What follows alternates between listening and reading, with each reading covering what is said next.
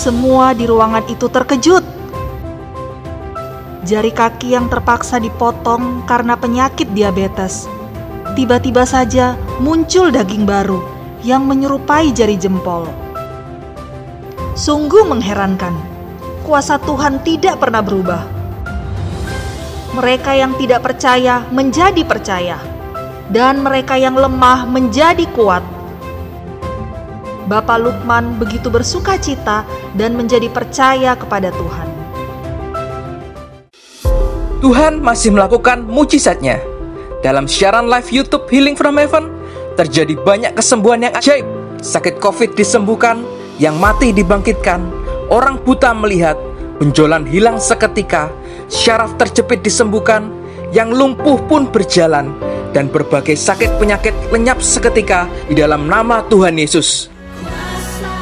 Mari bergabung dan ajak sebanyak mungkin saudara dan keluarga kita dalam siaran live doa dan kesembuhan ilahi Healing from Heaven melalui YouTube channel Christ Mercy Center dan radio CMC FM setiap hari Selasa, Kamis dan Jumat pukul 7 malam waktu Indonesia bagian Barat yang dilayani oleh Pastor Daniel Hadisien dan tim.